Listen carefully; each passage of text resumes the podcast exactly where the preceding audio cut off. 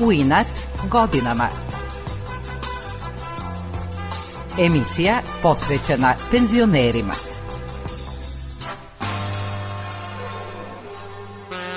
Dobro jutro i dobrodošli na još jedno subotnje druženje u emisiji U inat godinama.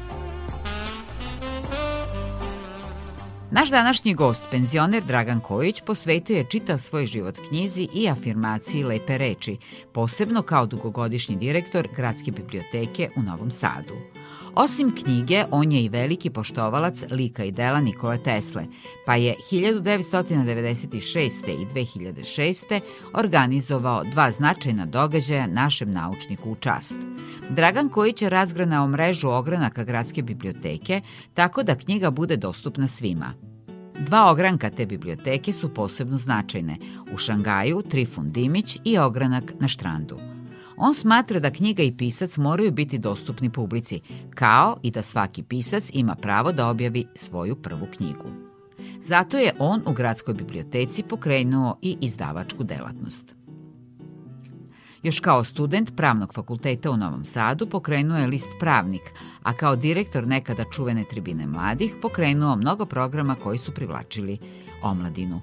Osim tribina o književnosti, mladi su imali priliku da raspravljaju i o društvenim pojavama, ali i da prate najnovije filmove i muziku.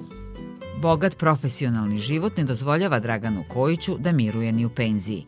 Naime, on je predsjednik upravnog odbora fondacije dr. Laza Kostić za Srbiju i u okviru nje učestvuje u organizovanju različitih kulturnih programa.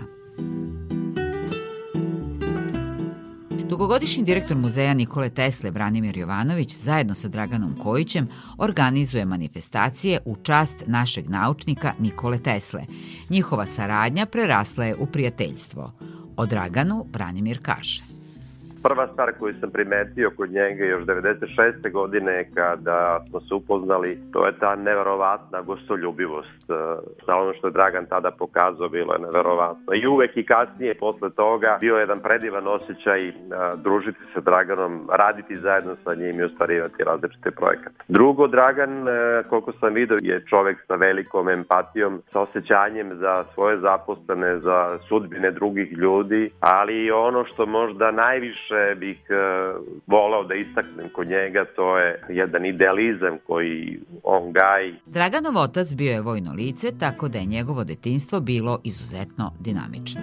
Moj brat koji je stariji tri godine od mene je rođen u Novom Sadu, jer je tata tad bio tu na službi. 53. godine, kad sam ja rođen, tata je bio na službi u Valjevu, ali, pošto je on bio kao vojno lice i terenski orijentisan, moja mama je otišla u svoju rodnu Bijeljinu. Tamo se porodila i meni u krštenici piše da sam rođen u Bijeljini, iako sam tamo bio samo dve nedelje dok mama nije osnažila i dok se nismo vratili u Valjevo.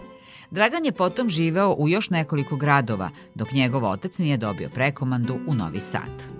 Onda sam živeo posle Valjeva i u Podgorici i u Pljevljima, a godinu i po dana i u Peći 68. godine kad je tamo bilo potrebe da moj tata koji je bio vojno lice i oficir bezbednosti ode dole zbog onih demonstracija iz 68. godine. Krajem 71. tata se vraća u Novi Sad gde je eto prethodno i živeo i radio i od tada neprekidno do danas živim u Novom Sadu.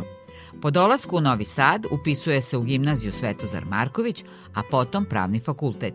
Na fakultetu sa kolegama Predragom Bubalom i Muratom Baltićem pokreće list pravnik.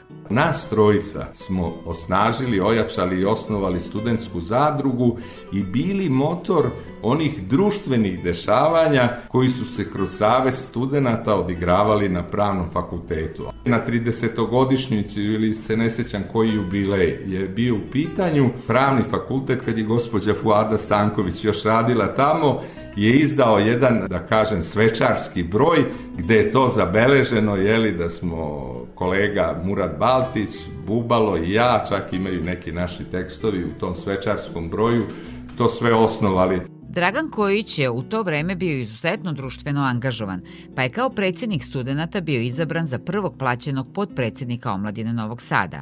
Nije dugo bio na toj funkciji, a ubrzo mu se ukazala nova prilika, kaže Dragan. Gospodin Ivan Mihaljev je bio šef univerzitetskog komiteta Saveza komunista Novosadskog univerziteta i to mi je velika čast jer su sve novine tada zabeležile. Ja sam bio otipovan za studenta prorektora Novosadskog univerziteta, ali me je tata prekorio i rekao je, sine, kad je video u novine, tako kaže, ti ne možeš ovo da prihvatiš ako si odbio ono u Savezu socijalističke omladine da radiš kao plaćeni potpredsednik, a to sam opet na tatinu inicijativu jer mi je rekao, sine, ako ti budeš ovoliko radio od jutra do sutra, ti nikad nećeš završiti fakultet. Ja sam morao da poslušam tatu i mamu, manuo sam i jednu i drugu funkciju da bi završio fakultet. Međutim, direktor čuvene tribine mladih postao je, kako kaže, iako mu je ostao još jedan ispit na fakultetu, koji je naravno kasnije položio. Ja sam septembra 1977. postao najpre direktor tribine mladih. Onda počinju integracioni procesi u kulturi, to je vreme one inicijative druga Tita o kolektivnom rukovodđenju. Dolazi do fuzije između tribine mladih i kulturnog centra omladine Sonja Marinković. Stvara se jedinstvena organizacija, današnji kulturni centar grada. Bio sam poslednji direktor tribine mladih i prvi direktor kulturnog centra grada Novog Sada. Dragan Kojić smatra da tribina mladih nije smela tako olako da izgubi svoje ime. Zato što je ona bila istinski brend. Ona je bila lep beleg na licu Novog Sada i u prošlosti. U toj malenoj na prvi pogled zgradi, osim tribine mladih, koja je imala redakciju umetničkog programa, gde je bio književni, filmski program, likovnu tribinu, tribinu na jezicima nacionalnih zajednica. Tamo je delovalo Novosadsko ili Mađarsko pozorište u Ivideki Sinhasu. Tamo su bili časopisi Slovački vzlet, rumunski tribuna Tineretului, mađarski časopis i rusinski časopis. Bio je časopis na srpskom jeziku Polja. Na tribini mladih postoje letnji bioskop, zatim jedna od najpoznatijih diskoteka Piping. Na tribini su pre podne davali prostor diskoteke da mlade novosadske rock grupe uvežbavaju pesme, objašnjava Dragan Kojić. Sećam se kod danas kada je došla jedna grupa gde je bio gospodin Aleksandar Kravić, gospodin Nena Čanak, gospodin Duin, koji su došli i pitali me direktore, jer bi mi mogli tu preko dana da malo vežbamo i sve to i oni su tamo vežbali. Tribina mladih, ona je bila pribežište za sve mlade kreativne potencijale koji su želeli da se iskažu u različitim poljima svoga interesovanja i afiniteta. Malo pozorje koje je bilo pandam sterinom održavano je na tribini mladih a nagradnu statuetu koja se dodeljivala najboljima izradio je tada mladi novosadski vajar Milan Trkulja, objašnjava Dragan Kojić. I pošto je sterino pozorje bilo, da kažem, uslovno za odraslu publiku i sa etabliranim pozorišnim ansamblima iz cele Jugoslavije, malo pozorje je bilo opet jedna platforma za mnoge dramske grupe iz naše zemlje i iz regiona. Dakle, sve što je vredelo u kulturi ondašnje Jugoslavije dolazilo je na tribinu mladih. A taj časopis Poljak takođe imao jedan apsolutno jugoslovenski karakter i sve se tamo odigravalo. Znači, to je zaista bio jedan jugoslovenski prostor kome se ja i dan danas divim i zato sa setom pričam o njemu. I subotom pre podne na tribini mladih je bilo dinamično. Mladi su dolazili na muzički matine u okviru kojeg su mogli da slušaju razne tada popularne muzičare, nastavlja Dragan Kojić. Svake subote u 11 sati u kino sali Tribine mladih mi smo pravili muzičke matineje. I sećam se, na primer, dolazio je jedan Ivan Kalcina, čak iz Sarajeva, jedan Jovan Jovičić iz Beograda kao gitaristi ili Tripos i Menuti, takođe iz Beograda i to je bilo za pamćenje, to je imalo svoju publiku jer taj građanski Novi Sad, urbani Novi Sad je naučio i na takve stvari. Mladi koji su radili na tribini išli su u korak sa tadašnjim vremenom, pa su i oni organizovali festivale slične onima u svetu. To su dva bum festivala organizovana na sajmištu, a učestvovale su tih 1977. i 1978. godine tada mlade rock grupe Parni valjak, Smak, Generacija 5, Atomsko sklonište, Pekinška patka, Prljavo kazalište i mnoge druge. Na oba jugoslovenska rock boom festivala su došle sve što je vredilo u muzičkoj, rokerskoj sceni ondašnje Jugoslavije, Ja znam, svi ti gosti sa oba Jugoslovenska rock boom festivala su bili gosti našeg radija Novog Sada, gde i tada muzički urednik bio i Bogica i još e, Vita Simurdić. I oni su sa njima imali živi dnevni dijalog I možda upravo u tim jugoslovenskim rock boom festivalima i u ovom jednom od koncera velikog Zdravka Čolića je možda bila inspiracija ovim mlađim generacijama da razmišljaju o egzitu i o svemu ovome što se na današnji dan dešava u Novom Sadu. Bogati programi koje su mladi pratili i učestvovali u njima osmišljeni su sa malo novca, kaže Dragan Kojić moje kolege Nedeljko Mamula i Gordana Đilas. Mislim da im je pomagao malo savjetima, idejama i gospodin pokojni Draško Ređep i tako još par ljudi, Bogdanka Poznanović i ti ljudi koji su Petar Milosavljević koji su osnivali 50. godina tu tribinu mladih, da svima ona, ta ustanova i danas može biti inspiracija kako se bez velikog broja zaposlenih mogu obezbediti značajni prilozi i podući kulturni kapaciteti Novog Sada. To što je Novi Sad ove godine Evropska prestonica kulture, na što smo naravno svi zajedno ponosni, sigurno u tom ostvarenju velike zasluge ima i ova višedecenijska delatnost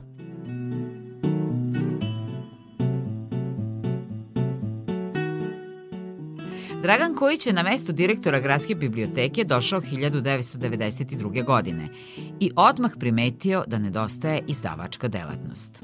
Mene je u biblioteku doveo tadašnji aktuelni direktor Gradske biblioteke u Novom Sadu, magistar Svetozar Grujić, autor nekoliko knjiga i ja sam od marta 92. godine došao da radim u biblioteku. Odmah sam napravio SWOT ili SWOT analizu gde sam video da biblioteci nedostaju pre svega dve stvari. I onda smo se iznenadili da ta ustanova nema knjigu u sebi. I to je prvo što smo uradili, mi imamo na današnji dan jedno 4-5 knjiga o, o, o našoj ustanovi. Razvili smo izdavačku delatnost. Aleksandar Jokanović postavljen je na mesto direktora Gradske biblioteke i kao dugogodišnji najbliži saradnik Dragana Kojića upućen je u sve aktivnosti te institucije. Tako da smo otvorili ogranak Svinfund Dimić u Šangaju, ogranak Anice Savić-Rebac na Trgu Republike, kao i biblioteku na Štrandu koja je vrlo popularna među našim sugrađanima tokom letnjih meseci. Dragan Kojić je razvio kulturne programe u našoj ustanovi i po tome smo postali poznati kao jedna od ustanova koja ima najviše kulturnih programa. Isto tako, veoma se posvetio izdavačkoj delatnosti, tako da je za vreme mandata Dragana Kojića obiljeno preko 100 vrlo značajnih naslova koji su i dan danas vrlo popularni i čitani. Institucija sa kojom je Gradska biblioteka najčešće sarađivala i sarađuje jeste Matica Srpska. Ove dve institucije kulture su najstarije u Novom Sadu. Svaki zajednički projekat bio je uspešan, kaže profesor dr. Dragan Stanić, predsednik Matice Srpske. Postoji veliki broj programa koje smo mi zajednički izvodili, bilo da se pokazalo da recimo Matica neke stvari ne bi mogla ili ne bi trebalo iz neko zna kojih razloga da uradi sama, onda smo se mi veoma često obraćali upravo Gradskoj biblioteci, odnosno Draganu Kojiću i uvek su bila širom otvorena vrata. Kao i obrnuto, kada je trebalo biblioteci pomoći na neki način, onda je Matica zaista to činila. Predsjednik Matice Srpske Dragan Stanić kaže da je odlazak njegovog druga iz gimnazijskih dana u penziju ipak ostavio prazninu.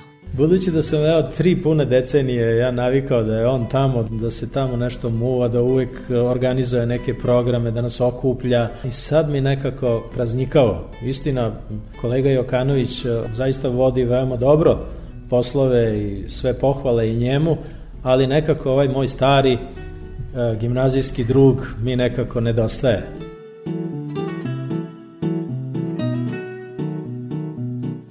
Ogranak Gradske biblioteke Trifun Dimić u Šangaju otvoren je 2010. Osnovni razlog za to je što naselje sem škole nije imalo više ni jednu kulturnu instituciju. Ta biblioteka je jedinstvena u Evropi, kaže Dragan Kojić. I onda sam ja pošao od toga da ne smeju šangajci da budu građani drugog reda pogotovo što su bili socijalno zapušteni. Predsednik mesne zajednice Šanga je bio gospodin Bela Kurina, sećam se kod danas, ja sam otišao 2009. s jeseni kod njega i zamolio ga da izvidimo koji bi bio najpogodniji prostor da se stavi u funkciju jedne raskošne, dobro opremljene biblioteke, jer pazite vi, od kulturno-prosvetnog sadržaja u tom trenutku, sem škole, Veljko Vlaković, da nemate ništa drugo. Pronađen je prostor od stotinu kvadratnih metara, ali ga je trebalo opremiti. Pošto nije bilo zainteresovanih darodavaca, Dragan Kojica obratio predsjednici Fonda za otvoreno društvo Jadranki Jelinčić. I ja nazovem gospođu Jelinčić koju uopšte nisam poznavao, samo sam dobio njen telefon i ja kažem o čemu se radi i gospođa Jelinčić, jao, kaže, to baš potpada pod našu delatnost, samo molim vas recite koliko vam za to treba para. Pa ja sam rekao, boga mi, preko 260.000. A ona odjednom iz jednog entuzijazma s kojim je sa mnom razgovarala, vidim odjednom joj tenzije padaju i kažu, jao gospod Kojiću, to je baš i za nas velika suma. Ja sam bio iznenađen, rekao, gospođo Jelinčić, ja sam mislio da za fond za otvoreno društvo Republike Srbije 260.000 dinara nisu pare, A ona kaže dinara, pa kaže ja sam mislila da je evra. Vrlo brzo je opremljen prostor biblioteke, a zahvaljujući Pokrajinskoj kancelariji za inkluziju Roma i Nacionalnoj službi za zapošljavanje, pronađen je i bibliotekar romske nacionalnosti. To je profesorka srpskog jezika i književnosti Dragana Dimitrov. Dragan Kojić ponosom ističe da je Dragana opravdala njegovo poverenje.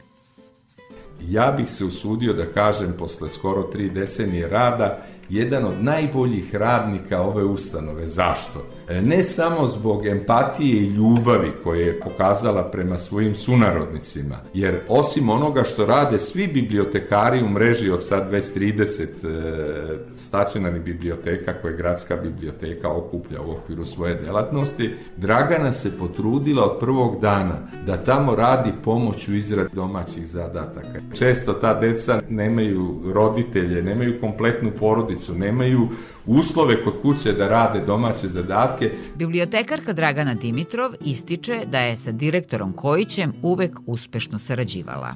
Još tada sam primetila da ima veliko srce i da je naklonjen romskoj populaciji, što mi je dalo snagu i osetila sam svu podršku njegovu već pri prvom susretu. Kako su godine prolazile, ja sam u bilo kakvoj situaciji koja se bila događala u Šangaju osjećala njegovu podršku. Šta god da sam predlagala, imala ideju da uradim u biblioteci, on je odobravao. Kad god je bio organizovan neki događaj, on je odvojio svoje vreme i došao da bude sa nama, radovao se deci, njihovim osmesima. Dragana Dimitrov s ponosom ističe da u toj biblioteci ima mnogo knjiga na romskom, ali i na srpskom jeziku, čiji su autori Romi.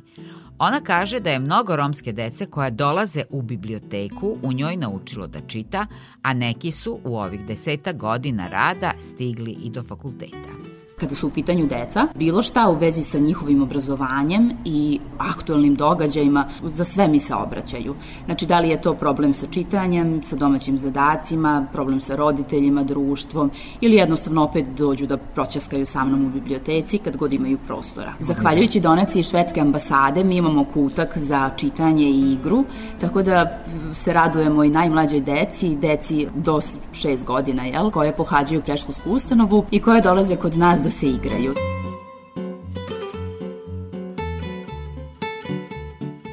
Biblioteka na Štrandu namenjena je građanima koji leto provode na našoj najlepšoj plaži. Glavni partner za otvaranje biblioteke na Štrandu bilo je Gradsko zelenilo, kaže Dragan Kojić. Tada je na čelu tog preduzeća bila jedna gospođa, direktorica, mi smo otišli kod nje i ona je sa radošću prihvatila tu našu inicijativu, pa smo iskoristili jednu drvenu kućicu koja je tamo postojala otprilike od 12 kvadrata. I ta kućica je mogla da primi unutar svog prostora nekoliko stotina knjiga i za odrasle i za najmlađe, U to vreme, saradnik za medije tadašnje direktorke Snežane Repac bio je moj kolega Ivan Ožinić. On je očekivao da će da sarađuje sa nekim od saradnika Dragana Kojića. Međutim, svo vreme kontaktirao sam isključivo sa njim i s njegovih e, nekoliko najbližih saradnika i osetio potpunu posvećenost tom poslu. Ja zaista u životu sa mnogo ljudi sam sarađivao, sticam okolnosti, ali čoveka koji je 24 sata posvećen tom tom poslu zaista nisam sreo. Pozitivna reakcija posetilaca Štranda na biblioteku doprinela je da se ona i proširi. A onda kad smo videli do koje mere je ona uh, u funkciji uh, građana i korisnika naših usluga, dogovorili smo se sa upravom grada i otvorili smo novu, lepu, savremenu biblioteku na preko 60 kvadrata.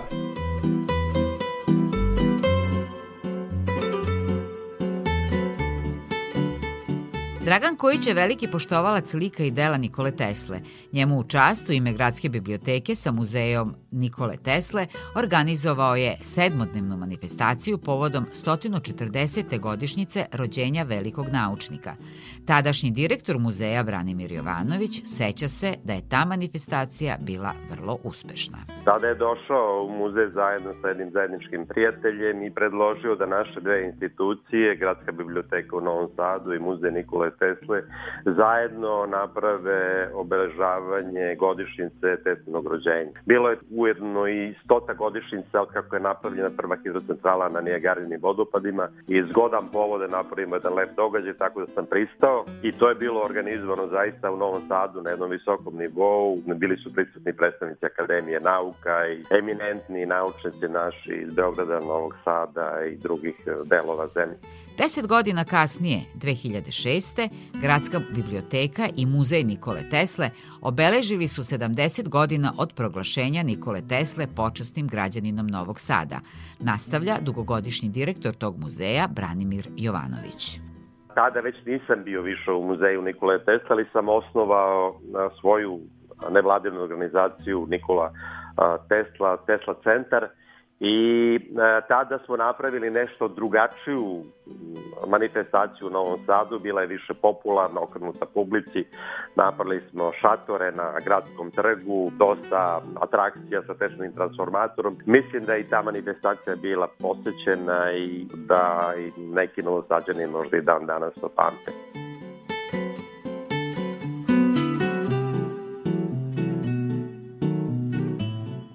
Dragan Kojić je bio i predsjednik Novosadskog kluba. I na taj deo svoje da kažem uslovno radne karijere, iako je to naravno volonterski, kao i većina drugih poslova u životu koje sam obavljao, sam posebno ponosan zato što smo iznedrili onaj pravi duh starog Novog Sada u kome se ne pita kad si došao u Novi Sad da živiš ako želiš da postaneš član Novosadskog kluba jedina molba sa strane e, mene kao predsjednika je bila ako možemo da ispoštujemo duh grada u koji smo došli. Dragan je predsjednik fondacije dr. Laza Kostić za Srbiju i kako kaže pripremaju mnogo zanimljivih publikacija i manifestacija. I kao plod tih 30-godišnjih aktivnosti trenutno ovih dana smo predali u štampu knjigu o jednom od najzaslužnijih naših članova i zadužbinara u fondaciji Laza Kostić, to je čuveni profesor svetske književnosti sa Filozofskog fakulteta, profesor Miodrag Radović. U ozbiljnim pripremama je monografija od 30 godina rada fondacije, od osnivanja dakle do danas. Mi imamo sestrinsku paralelnu organizaciju u Londonu, ova je ovaj za Srbiju. Penzioner Dragan Kojić nastavlja život u službi knjige, jer za buduće generacije treba da se ostavi kulturno nasleđe.